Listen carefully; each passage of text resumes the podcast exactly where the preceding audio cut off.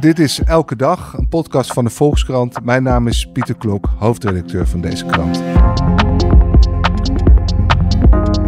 Met de Republikeinse voorverkiezingen in Iowa van maandag gaat het verkiezingsjaar in de Verenigde Staten nu echt van start.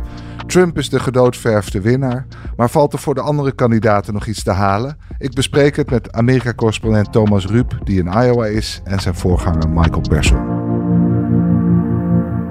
Thomas, om met jou te beginnen, waar ben je precies? Ik zit in Des Moines, uh, Iowa, de, de hoofdstad van, uh, van deze staat. Uh, volledig ingesneeuwd. Ik kijk naar het raam en het is echt. Ik, zie, ik kan misschien vijf meter vooruit kijken en de rest is alleen maar sneeuw. Oké, en, en, en wat merk je van die voorverkiezingen? Is, is de hele stad dan in, in de band daarvan? Nou, het, het grappige is, je merkt het omdat de politici overal zijn. Dus ik ben uh, deze week in een span van 24 uur heb ik uh, op een paar meter afstand van uh, kandidaat Ron DeSantis gestaan. Bij Nikki Haley, Ramaswamy. Trump heeft een evenement afgezegd, maar die zou diezelfde dag plaatsvinden. Dus je ziet overal politieke evenementen. En tegelijkertijd, vergeleken met andere staten, zie ik veel minder politieke spandoeken. Veel minder borden, um, ja, veel minder zeg maar, burgers zelf die hun voorkeur projecteren. En ik geloof dat dat ook komt dat de meeste mensen die ik hier spreek eigenlijk tegen mij zeggen: Ik weet nog niet op wie ik ga stemmen. Uh, dit is een staat waar mensen heel goed en lang nadenken over hun keuze.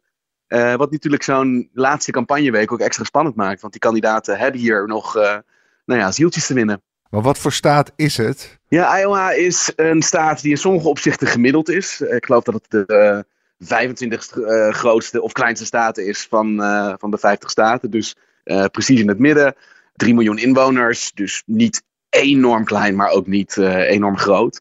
En in heel veel opzichten is het een niet gemiddelde staat, omdat het een staat is die zeer wit is, zeer christelijk conservatief, zeer ruraal en ja, daardoor eigenlijk ook weinig raakvlakken heeft met uh, de, de ja, grotere, invloedrijkere staten als bijvoorbeeld California of, uh, of, Florida. Ja, en waar hebben zij eigenlijk het voorrecht aan te danken dat zij als eerste een verkiezing mogen houden, voor verkiezing? Het is eigenlijk um, een soort aaneenschakeling van toevalligheden. Ja, het voert terug op 1968.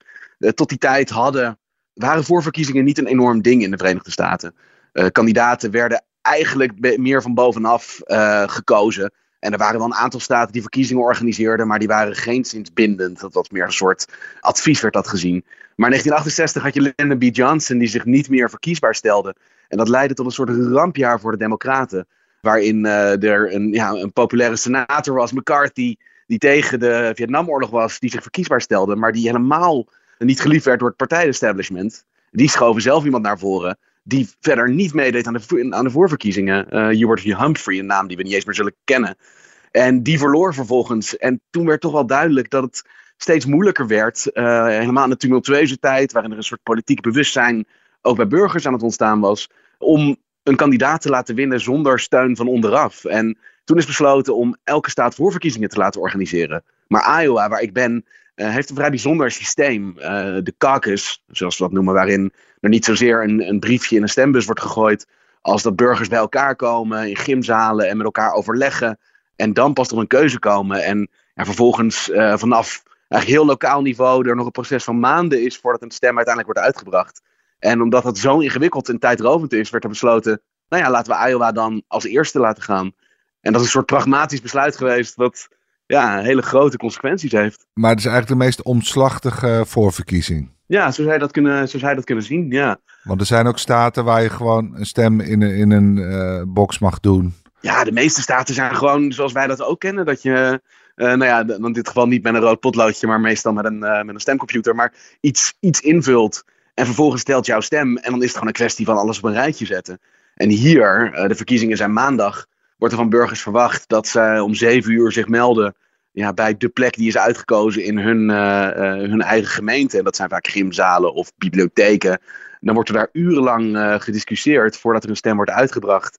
Daar wordt vervolgens weer een vertegenwoordiger uitgekozen, die weer naar het volgende niveau gaat. Het is een, een, een enorm proces eigenlijk, voordat er daadwerkelijk een stem wordt uitgebracht op een kandidaat. Goed, het is dus geen grote staat, maar, maar, maar hoe, hoe belangrijk zijn, is zo'n voorverkiezing dan voor het verdere verloop? Het is maar net hoe je het bekijkt eigenlijk. Op papier zou het niet zo belangrijk moeten zijn. Je kan prima president worden uh, of presidentskandidaat worden zonder Iowa te winnen.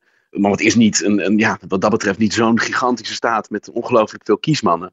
Alleen omdat Iowa de enige is en de eerste is die op dit moment voorverkiezingen houdt, zie je dat alles geconcentreerd wordt op deze staat. Want tot nu toe hebben we alleen peilingen gehad. Het zijn een soort schattingen van welke kandidaat voor ligt, wie er wel eens populair zou kunnen zijn. Maar dit is het eerste moment dat we echt gaan zien wat burgers, als ze gevraagd wordt om te kiezen, uh, ook daadwerkelijk kiezen.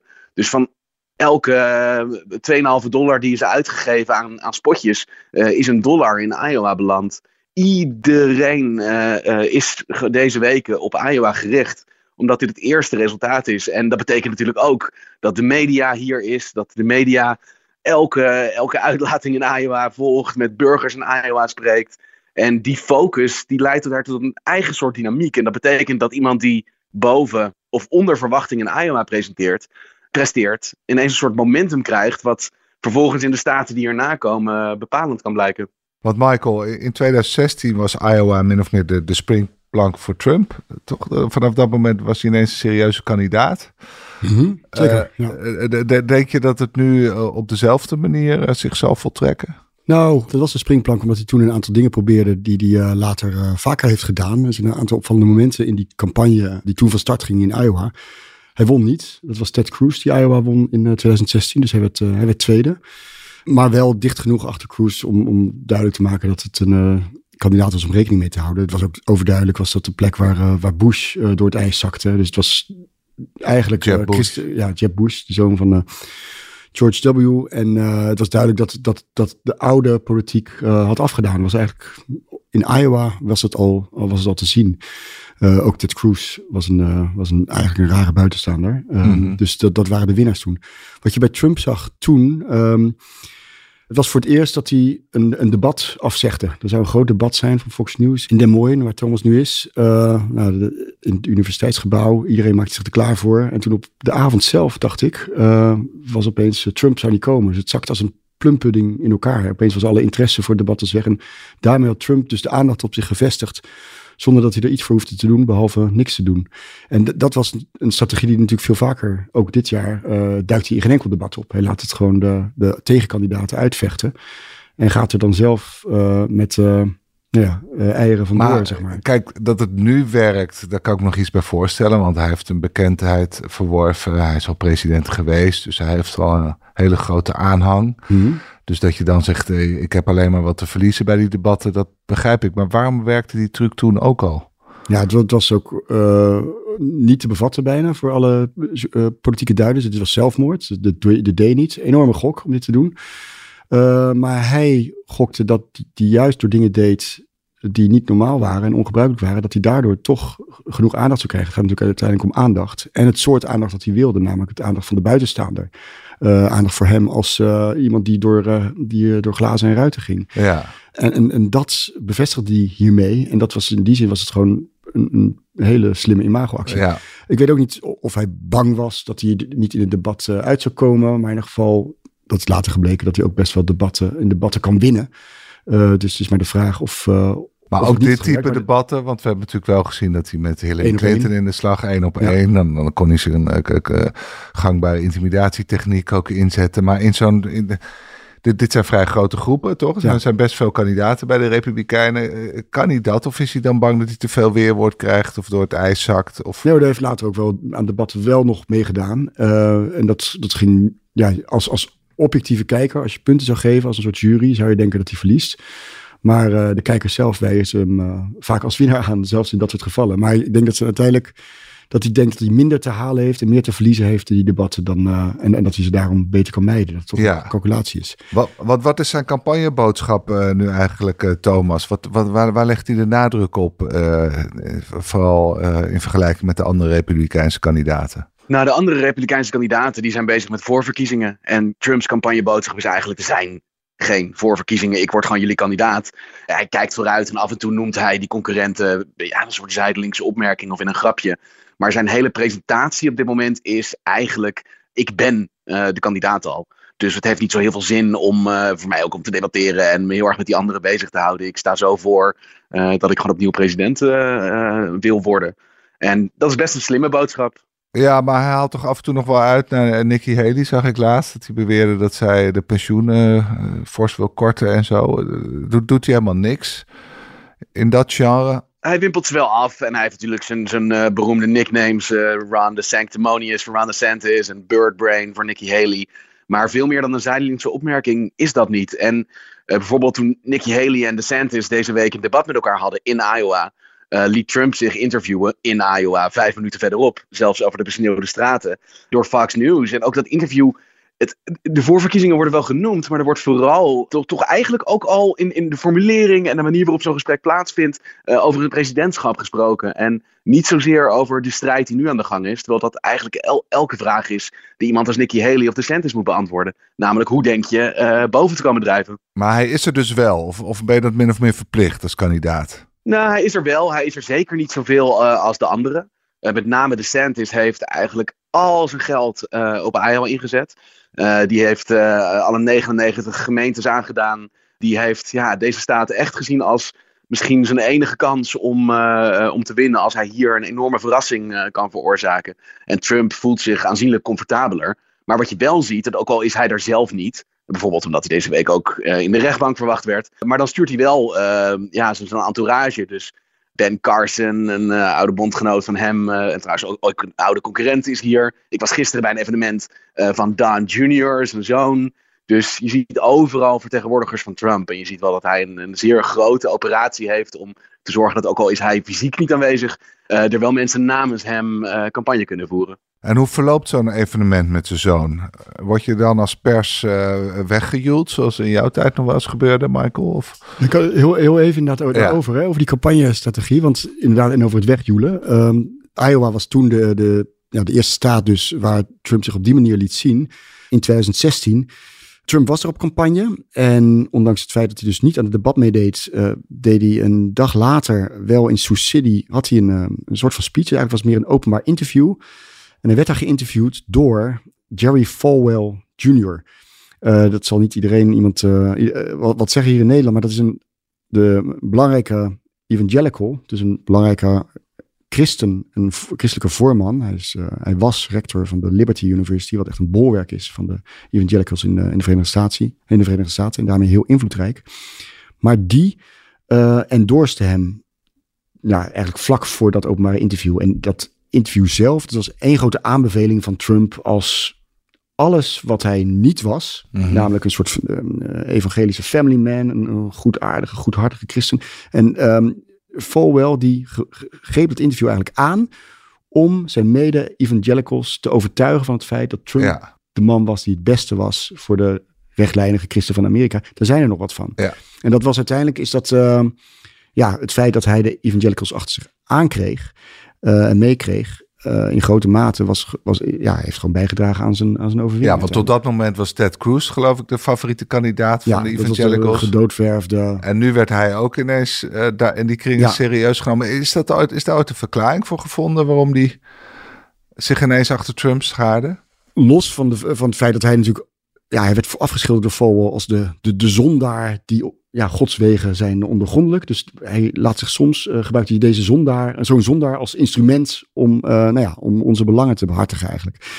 Dat is uh, eigenlijk de soort van rationele verklaring. De achterliggende verklaring, dat is een jaar of vier later is, er, is dat naar buiten gekomen. Jerry Falwell, tenminste dat kan een verklaring zijn, ik moet mm -hmm. even precies zijn. Jerry Falwell Jr. had met zijn vrouw een affaire gehad met een, de poolboy, wordt hij in Amerika genoemd. Uh, een, een, zwembad, een, een badmeester, mm -hmm. dan wel een zwembad schoonmaker, ik weet niet precies wat hij deed. Was de, de, de minnaar van mevrouw Falwell. En meneer Falwell die keek toe, of was erbij betrokken in ieder geval. Een, een menage à trois, iets, maar in ieder geval... Um, niet uh, het soort relatie dat je, waarmee je naar buiten komt als je een christelijk voorman bent. Toen dat wel naar buiten dreigde te komen, toen heeft Michael Cohen, uh, de adjudant van Donald Trump in die tijd mm -hmm. nog, heeft zich opgeworpen om hem te helpen. Uh, om hem enige wat materiaal te verstoppen. Er is wat geld naar de poolboy gegaan. En daarmee is het jarenlang, is, het, uh, is dit schandaal, onder, is het verstopt gebleven. Ja, maar, maar kan de, heeft de poolboy dan een beslissende invloed gehad op de uiteindelijke verkiezing van Donald Trump? Nou ja, de vraag is uiteindelijk of die endorsement of die aanbeveling van Jerry Falwell van Trump, of die direct gelinkt is aan de hulp van Michael Cohen. Dat is nooit okay. bewezen. Dus dat Cohen uh, Falwell heeft geholpen, met, is bewezen. Dat, dat we, ja. of, dat, of daar een tegenprestatie tegenover heeft gestaan, namelijk uh, de steun van Falwell aan Trump. Dat is niet bewezen. Eén van die grote dingen waarvan je hoopt dat die de komende decennia nog een keer naar buiten komen. Maar het kan dus zijn dat dit een factor is geweest in de overwinning van Trump. Dus zoals er heel veel factoren zijn, er zijn heel veel kleine, of kleine en grotere elementen geweest die bijgedragen hebben aan het geluk van Trump. Dat alles viel op zijn plek uh, in 2016 voor hem. Waaronder ook natuurlijk zijn, zijn talent, zijn instinct, zijn kunde om dit electoraat aan te spreken. Maar er waren ook allemaal nog extra factoren die ervoor zorgden dat het lukte. En dit kan er een van zijn geweest. Je zei al, Thomas, het is er nog steeds een, een, een diep religieuze staat. Er wonen ook veel Nederlanders. Uh... Ja, bijna elke naam die ik tegenkom is Nederlands. Ja, en, en, maar hoe bespeelt zo'n uh, Donald was het geloof ik, hè? Hoe, hoe bespeelt hij de, de, de mensen? Is dat ook met een religieuze boodschap of, of leggen ze toch de nadruk op andere zaken? Nee, Don Jr. is um, die, die, die is meer, zeg maar, de, de keiharde complottheorie die zelfs Trump niet op deze manier zo zou durven formuleren. Uh, die, gooit hij er gewoon keihard uit. En hij houdt eigenlijk meer een soort, soort comedy show. Uh, waarin mensen geduldig naar hem luisteren, af en toe grinniken en daarna met hem op de foto gaan. Het is eigenlijk heeft het meer weg van een optreden van een celebrity uh, dan dat het echt een, een politieke rally is. Maar ja, het is toch weer zo'n moment. Mensen willen er eventjes zijn en zelf zijn, zijn familie zijn sterren. En wat je hier ziet, en dat heb je nergens anders in het land, is, is de toegankelijkheid. Is zo'n ja, Don Jr., ja, die staat dan in een ruimte met 30 mensen aan tafels en uh, een paar journalisten erbij. Uh, Nikki Haley, die ik zag, die, is, die zit in een, uh, in een Ierse kroeg aan een stripmall. Ja, misschien met, met, met 30, 40 man publiek. En daarna kan je eventjes een praatje met haar maken. Er is geen beveiliging. Het is een soort laagdrempeligheid die ook wel efficiënt kan zijn. Want het is wel een manier om contact te maken met dit soort kandidaten. En dat is een hele typische manier van campagne voeren. Maar tegelijkertijd zie je daar ook een groot verschil met ja, toch ook de star power van Donald Trump. Ik bedoel, zelfs Ron DeSantis kan je hier uh, in een pizzatent zien en uh, dan kan je nog een hand op je schouder van hem krijgen. Maar Donald Trump, ja, daar staan mensen alsnog voor in de rij. En daar merk je natuurlijk ook wel een, een enorm verschil in statuur van. Hoe er ook vanuit Iowa uh, gekeken wordt naar de kandidaten. Ja, dus het is leuk dat ze aanraakbaar zijn, maar het laat ook zien dat ze niet heel veel aanhang hebben. Misschien kun, kun, jij, kun, kun jij ook met ze praten als een Nederlandse journalist? Of hoe werkt dat? Nou, ik, ik, uh, zeg maar, zodra je pers bent, uh, dan klappen ze een beetje dicht. Ik heb uh, in een kringetje om Nikki Haley heen gestaan. Terwijl een perfect gekwaffeerde man van Fox News de enige was die echt vragen mocht stellen. En zodra er iemand anders tussen kwam, werd je al gauw tot stilte gemaand. Maar ja, je komt, wel, je komt wel heel dichtbij. Alleen je ziet wel de kandidaten beantwoorden vragen van mensen van wie het opportun is om vragen te beantwoorden. Maar je zei al, uh, Donald die, die komt met allemaal complottheorieën waar, waar zelfs Trump zijn vingers uh, niet aan durft te branden. Wat, wat voor theorieën zijn dat zoal? Het is vooral, uh, hij neemt bijvoorbeeld gewoon het woord fascisme in de mond. Iets waar natuurlijk Trump van beticht wordt door de taal die hij hanteert. Maar hij, iemand als Donald Jr. zegt, gelukkig, zegt gerust, er zitten fascisten in deze regering die met niks anders bezig zijn dan het vervolgen van hun politieke tegenstanders. Joe Biden is een puppet van het grote geld, uh, die niet eens zijn eigen keuzes maakt. Eigenlijk het meest, ja, de meest extreme variant van een soort wereldbeeld waar Donald Trump op slinkse wijze naar knipoogt, maar ja, zelf niet zo hard durft te verkondigen. Ja, en valt dat in vruchtbare aarde? Ja, dat is natuurlijk altijd een, moeilijk om te zeggen. Want de mensen die afkomen op een evenement van Don Jr. zijn over het algemeen mensen die toch wat meer ingegraven zitten in het, eh, in het kamp Trump. Anders is dat niet iemand die je interesse wekt. Dus daar viel het zeker in vruchtbare aarde. Dat leidde tot gejoel en geklap en uh, uh, af en toe een, schreeuw van yeah. Maar dat wil natuurlijk niet zeggen dat dat, dat gedachtegoed ook mainstream is. Alleen ja, hij probeert natuurlijk op deze manier de verschillende varianten te bespelen. En op het moment dat er een Trump-vertegenwoordiger in een kerk ergens een, een praatje houdt, dan krijg je natuurlijk weer een heel andere boodschap. En dan gaat het veel meer over dat religieuze en over wat Trump allemaal um, voor het geloof betekend heeft. Dus ja, op die manier bespelen ze eigenlijk de verschillende segmenten in de maatschappij hier. Je zei al dat heel uh, uh, veel sneeuw ligt. Heeft dat nog effect op, op de campagnes en, en de debatten die worden gehouden? Er ligt ongelooflijk veel sneeuw. Het is als je hier over de weg rijdt, de, de auto's die liggen uh, bezaaid langs de weg, omdat er zoveel mensen hier um, in ongelukken raken. Het is koud op een manier die ik nog nooit in mijn leven heb meegemaakt. En ik hoorde voorspellingen voor verkiezingsdag uh, net hier in de lobby van mijn hotel. En toen zeiden ze min 14. Toen dacht ik, ach, nou ja, oké, je, dat, in New York heb ik ook nog eens min 12 meegemaakt. Uh, en toen begreep ik dat het min 14 Fahrenheit was. Dus dat is dus ja, tegen min 25 graden Celsius. En dat kan wel degelijk iets van invloed hebben. Want ja, dat is dat systeem in Iowa. Mensen moeten fysiek aanwezig zijn. En sommigen moeten daar best wel nog een end voor, voor rijden of reizen. Uh, en ook hier is het zo dat ja, toch, en misschien wel meer dan in andere staten, de wat oudere burger zich over het algemeen actiever opstelt in die, in die caucussen. En je zou zomaar kunnen zien dat ja, een gedeelte van het echt het oudere segment het niet aandurft om in een sneeuwstorm bij min 25, misschien wel een half uur of langer te rijden, om een paar uur in een gymzaal te zitten overleggen. Dus daar er is wel een mogelijkheid dat het, dat het enigszins invloed kan hebben. En dat is vooral ook iets wat die kandidaten zeggen. En ook opvallend genoeg heel erg team Trump, die bang zijn ja, dat mensen die voorsprong op het nieuws gehoord hebben en zoiets hebben, we hoeven hem niet meer te steunen als ze dat willen. En door te zeggen, alsjeblieft, uh, trotseer het weer, uh, ga door de sneeuw en, en, kom wel, want ja, we willen geen verrassingen. Hij ligt uh, ver voorop, Trump, maar wie, wie, is zijn belangrijkste uitdager op dit moment? Wordt er gepeild of is het überhaupt mogelijk? Nou, dat is, en, en dat is precies de juiste vraag. Trump haalt volgens elke peiling eigenlijk meer dan de helft van de stemmen. Er is ja, bijna geen serieuze theorie dat, dat hij niet als eerste uit de bus komt. Maar de race van die anderen gaat ook niet om de eerste plek. Dat gaat om, om de tweede plek. En dat is een, een nek-aan-nek race op dit moment. Echt een keihard gevecht tussen Nikki Haley en Ron DeSantis. En Ron DeSantis staat nog net bovenaan in de peilingen. Maar hij moet eigenlijk op zijn minst tweede worden. En eigenlijk boven verwachting uh, dicht bij Trump komen. Om ja, nog een, een, reden te hebben om door te gaan met zijn campagne. Hij heeft alles op Iowa gegooid. En in de staten die erna komen, pelt hij eigenlijk heel slecht. En Nikki Haley, die doet het heel goed in de volgende staat, New Hampshire, waar ze bijna nek aan nek met Trump staat. De staat die daarna volgt is South Carolina, waar zij gouverneur was.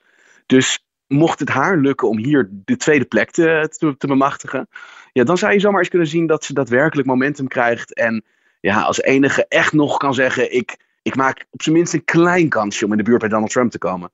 Dus het gaat helemaal tussen Haley en DeSantis. Als DeSantis niet tweede wordt, ja, je mag natuurlijk nooit voorspellingen doen, maar dan denk ik dat zijn campagne niet heel lang meer kan duren. Als Haley uh, ja, toch tweede wordt, dan denk ik, nou, dan kan het nog uh, interessant gaan worden. Maar dat wil natuurlijk niet zeggen dat ja, de, de, alle, alle seinen erop wijzen dat, dat Trump gewoon de, de, de genomineerde wordt. En, en DeSantis en Haley gingen deze week nog met elkaar in debat op CNN of eerder al. Eh, wat is het grootste verschil tussen die twee? Ja, het grote verschil is, eh, Haley is een duidelijker onderscheidend wereldbeeld uh, en idee voor Amerika aan het schetsen. Ron DeSantis, ja, die is nog steeds een soort kopie van het Trump-gedachtegoed en is eigenlijk soms zelfs zichtbaar bang om al te grote verschillen te trekken met, uh, tussen hem en Donald Trump en, en hun idee voor de maatschappij. En Haley, en helemaal in dat debat van deze week, die, zie je, die, die begint die angst een klein beetje te verliezen. Dus zij spreekt heel duidelijk bijvoorbeeld de steun uit voor Oekraïne en het belang uh, van Amerikaanse bemoeienis en steun daar. Iets wat helemaal niet per se mainstream is op dit moment in de Republikeinse Partij. En zij durfde voor het eerst ook echt vrij harde kritiek op Trump te uiten. Waaronder ook over zijn rechtszaken, waarin ze zeiden dat immuniteit eigenlijk een belachelijk idee is voor een president. Iets wat Ron DeSantis nooit zou durven zeggen. Dus je voelde daar wel dat zij het zelfvertrouwen begint te ontwikkelen om op zijn minst ja, verschillen te tonen met Trump. Maar ja, wat genoeg is, is natuurlijk een hele andere vraag. Meer het klassiek republikeinse geluid, Michael, denk ik. Want, want we hadden ook nog Chris Christie, die, die, die aanvankelijk meedeed. Die is deze week gestopt. Begrijp je waarom zijn kandidatuur is mislukt? Hij was ooit een pro-Trumper, volgens mij. En heeft zich in de loop van de tijd van hem afgekeerd. Zeker naar de kapitoolbestorming. Ja, nou goed, hij is altijd een, uh, een, een, een, draaier geweest. En hij is eerst in 2016 heeft hij ook, uh, ook kandidaat geweest tegen, tegen Trump. En uh, nou, toen viel hij uit, werd hij onderdeel van zijn campagne. Dus toen werd hij inderdaad scheiden zich aan de zijde van Trump. Werd een paar keer werd hij enorm beledigd door Trump. Ehm, ja, ook over zijn, uh, zijn lichaamsgewicht bijvoorbeeld. Dat heeft uiteindelijk heeft het, uh, uh, zoveel pijn gedaan dat hij zich echt als een van de weinige republikeinen hard van Trump heeft afgekeerd en gezegd heeft dat hij een gevaar is voor de, voor de democratie bijvoorbeeld. En dat was ook de kern van zijn campagne. Dus terwijl Haley nu wat voorzichtig begint, zich te, begint te verzetten tegen Trump, was het de kern van Chris. Hij was eigenlijk de enige die de kaart tegen inging vanaf het begin. Ja, ja. Ik heb toevallig uh, vorig jaar een campagneleider, uh, die toen nog niet zo'n campagneleider was, maar iemand gesproken. En die zei toen, wat ja, die vroeg zich af of Christie zich in de race moest gaan storten. Een tijdje met hem gepraat erover. En toen hadden we, had ik het idee van, ik ben nog steeds heel erg benieuwd naar, naar dat anti-Trump geluid. Of het nog bestaat. En als het, ja, dat lijkt me toch dat het nog een soort survival moest zijn. Dat was zijn inschatting ook. Of ook, dat was zijn inschatting. Maar dat is interessant om te, om te horen. En dat hij dat, hij dat zo hard durfde aan te zetten nog, Christie.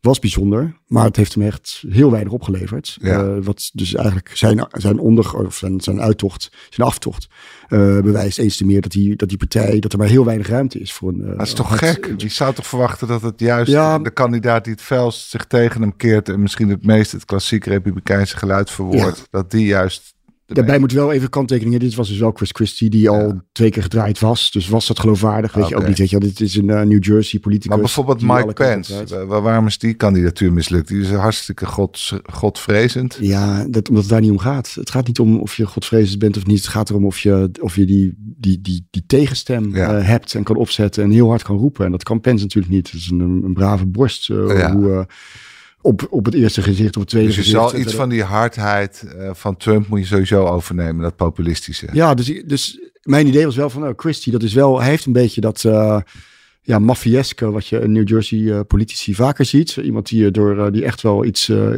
grote bek durft op te zetten en inderdaad weinig zich aan, aan beleefdheden laat liggen. Die street credibility, die had hij. Mm. En daarmee leek hij dus als een van de weinigen ook zich tegen Trump te kunnen posteren. Omdat je dus wel die, die grote bek moet hebben als alternatief voor Trump. Ja, ook als straatvechter moet je zeggen. Ja, de straatvechter. Hey, Thomas, en als we wat verder vooruit kijken. Uh, de vorige keer, uh, acht jaar geleden, heeft Trump zich verzekerd van die evangelicals door uh, Mike Pence te vragen om zijn vice-president te worden.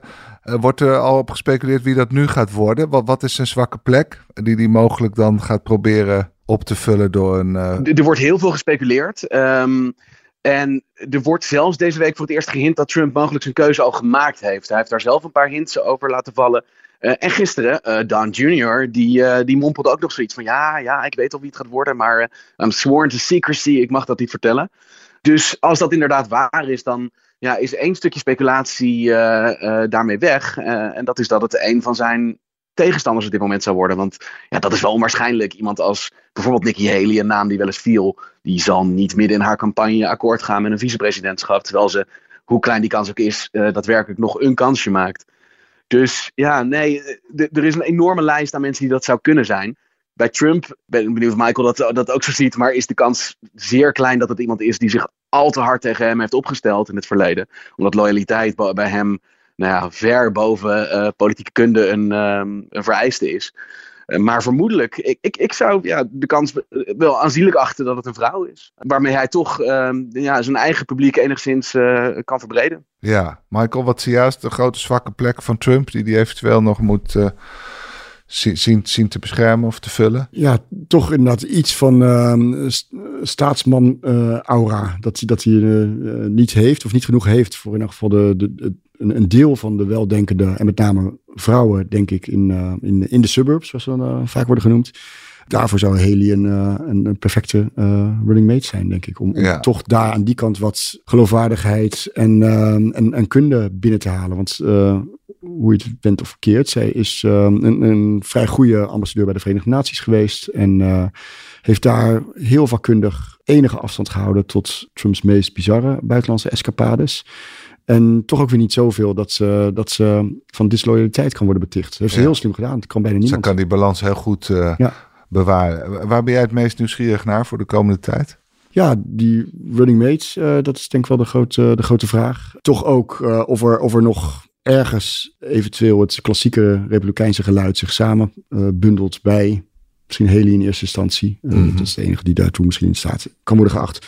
En, en, en dan uiteindelijk ook hoeveel, echt gewoon de aantallen toch? Ja. Hoe, hoe, groot wordt Trump in de komende staten? Ja. Hoe, maar ook, de, de, kan die Republikeinse partij nog bij zinnen komen? Want, want ik hoorde vandaag ook weer iemand zeggen, zeggen van jullie zijn in de greep ge, geraakt van een clown. Nou, het, het is, is, is, het kans dat ze op een dag wakker worden en denken, waarom lopen wij eigenlijk achter deze clown aan? Nou, ik weet niet wat Thomas ervan denkt nu, maar toen, toen ik vertrok, en dat zag ik, uh, het is niet dat Trump de partij zozeer veranderd heeft, maar die heeft laten zien wat er al, al jaren, decennia, eigenlijk uh, sinds Reagan denk ik, latent in die partij aanwezig was. Deze, deze vorm van, uh, van zeg maar onverantwoord populisme, zou je bijna kunnen zeggen. Tegelijkertijd met uh, klassieke maatregelen zoals nou, lage belastingen voor, voor, de, voor de rijken. Dus dat, dat werd nu zo duidelijk en dat werd zo, zo, zo zichtbaar dat deze, deze stroming in de Republikeinse Partij al die tijd al aanwezig was eigenlijk. En dat heeft verschillende vormen gehad, van Tea Party tot andere outsiders die zich als kandidaat hebben gesteld. Dus ik denk dat, dat nu het blijkt te werken. Mm En het ook ehm, voor sommige, sommigen denken zelfs dat het, uh, het, leven van de Republikeinse Partij als machtsfactor verlengd heeft. Is er eigenlijk geen enkele reden om, om terug te gaan naar okay, dat dus andere gezicht dat de Republikeinse Partij kan Misschien is dit wel de echte Republikeinse Partij. Thomas, waar ben jij het meest nieuwsgierig naar? Nou, als ik nog één, één daar mag inhaken. Ik denk dat je daar uh, zegt, Pieter. Want het is natuurlijk vanuit het Europese perspectief. En dat is heel logisch. En ik moet, ik moet mezelf daar ook af en toe bijna, bijna fysiek mijn blik op aanpassen. Maar het klassieke republikeinse geluid, ja, eigenlijk is die formulering al, het is het antieke republikeinse geluid. Wat je, het Trumpisme is simpelweg het gemiddelde mainstream rechts uh, op dit moment in de Verenigde Staten. Dus dit is ja, de manier waarop rechts zich hier presenteert. Het is niet meer een, een, een fringe, het gaat ook niet meer om Trump. En het feit natuurlijk dat er verkiezingen in de tussentijd zijn geweest, betekent dat er zoveel mensen op plekken verkozen zijn, soms met heel veel succes, die datzelfde gedachtegoed hebben. Dat het is niet alleen maar Trump die probeert uh, zijn greep te versterken. Dit is van binnenuit, van onderop, waar je ook spreekt hier, uh, simpelweg rechts in Amerika. Maar ben je nog erg nieuwsgierig naar of denk je dit gaat overduidelijk één kant op? Dit, uh... Nou, ik ben, ik ben heel nieuwsgierig, zeker. ja, vooral wie die tweede plek gaat, gaat winnen en of Haley ja, ook maar een klein kansje gaat maken om ja, misschien iets onverwachts te doen. En vooral ja, die enorm explosieve factor van de rechtszaken die nog tussendoor loopt. Het Hoge Rechtshof gaat een aantal ja, enorm invloedrijke uitspraken doen. Waar ja, je geen voorspelling over kan doen. Al is het de vraag of het voor Trump echt, uh, wat ze ook besluiten, kan betekenen dat hij niet meer mee kan doen. Maar er zit nog een enorme, er zit een soort uh, bommentapijt nog, uh, nog aan te komen aan nieuws. En dat kan allemaal nog invloed gaan hebben op hoe het loopt. Ik ben heel benieuwd hoe je eerste caucus gaat ervaren, Thomas. We gaan het allemaal lezen. Dankjewel. Succes. Dankjewel.